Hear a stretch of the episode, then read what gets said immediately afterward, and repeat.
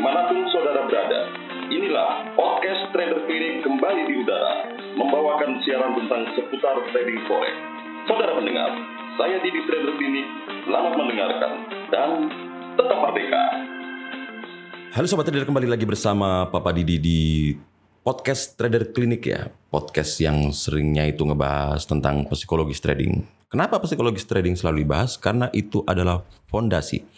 Fondasi uh, seorang trader untuk melangkah ke langkah-langkah selanjutnya ya uh, dalam lingkungan trading forex yang begitu dinamis. Jadi uh, psikologis trading itu harus sangat-sangat diperhatikan itu yang pertama.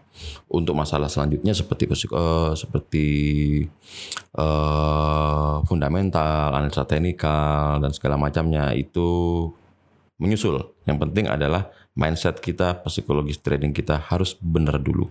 Makanya kenapa kalau di podcast Trader Clinic itu selalu yang dibahas itu adalah psikologis trading. Oke. Okay.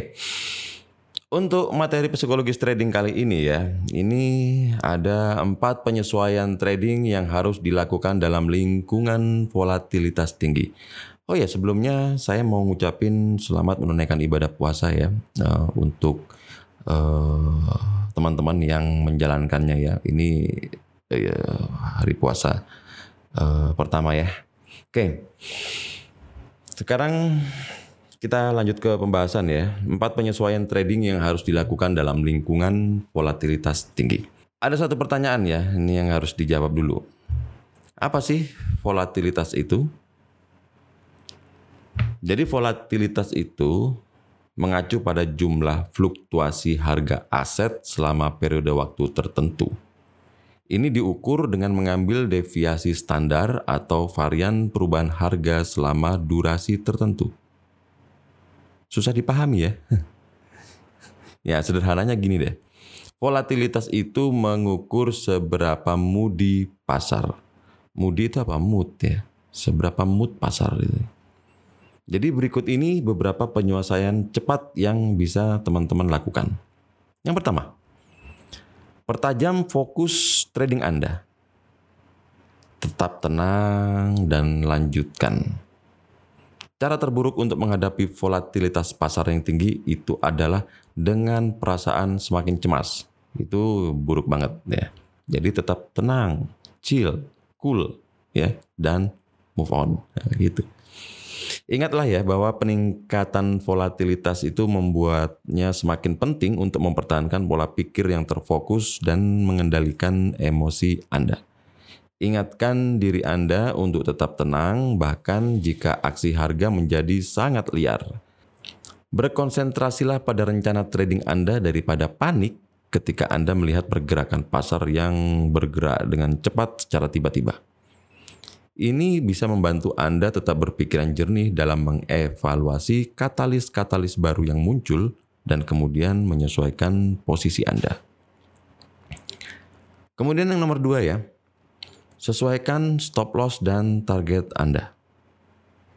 Dalam lingkungan volatilitas yang tinggi, ya, stop loss yang ketat itu bisa berakhir lebih banyak kerugian daripada profit. Ya. Lagi pula aset yang Anda tradingkan itu dapat dengan cepat melonjak ke level stop loss Anda sebelum menuju ke arah posisi trading Anda yang benar gitu kan. Ini pasti akan membuat teman-teman menjadi frustasi Nah, untuk menentukan berapa banyak kelonggaran yang harus Anda tambahkan, mulailah dengan memperhatikan perubahan pergerakan harga untuk satu hari trading. Nah, dari sana Anda dapat membuat penyesuaian yang diperlukan pada stop loss dan target profit Anda. Kemudian yang nomor tiga, ubah gaya trading Anda. Memiliki strategi khusus untuk hari-hari yang terbatas dengan volatilitas rendah atau untuk lingkungan yang sedang tren, itu akan memberikan Anda fleksibilitas untuk menyesuaikan dengan kondisi pasar yang berbeda.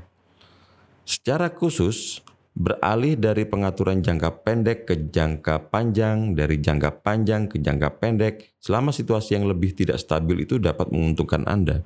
Anda mungkin tidak ingin mempertahankan posisi terbuka terlalu lama, terutama karena lompatan harga dapat terjadi sebelum Anda menyadarinya.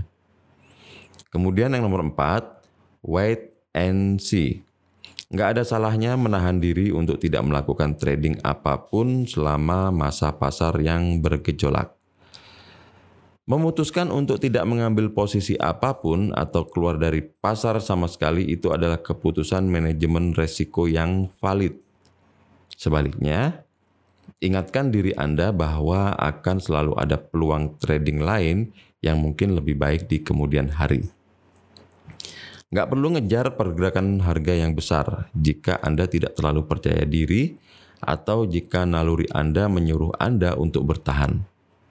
Jika Anda tidak memiliki rencana yang jelas untuk skenario pasar yang bergejolak, sebaiknya duduk saja dan lihat ya, wait and see aja. Dengan begitu Anda mungkin menyelamatkan diri dari potensi kerugian ya dengan duduk diam aja. Oke warga, sekian dulu podcast terbaru dari Trader Clinic ya. Ini semoga bermanfaat ya. Jika warga masih belum follow, silahkan follow di Spotify ya. Dan ini fungsinya agar teman-teman nanti dapat beritahuan terbaru setiap kali ada podcast-podcast update dari Trader Clinic ya. Nah, jika teman-teman mau gabung dengan komunitas Trader Clinic, link sudah saya sertakan di deskripsi. Happy trading!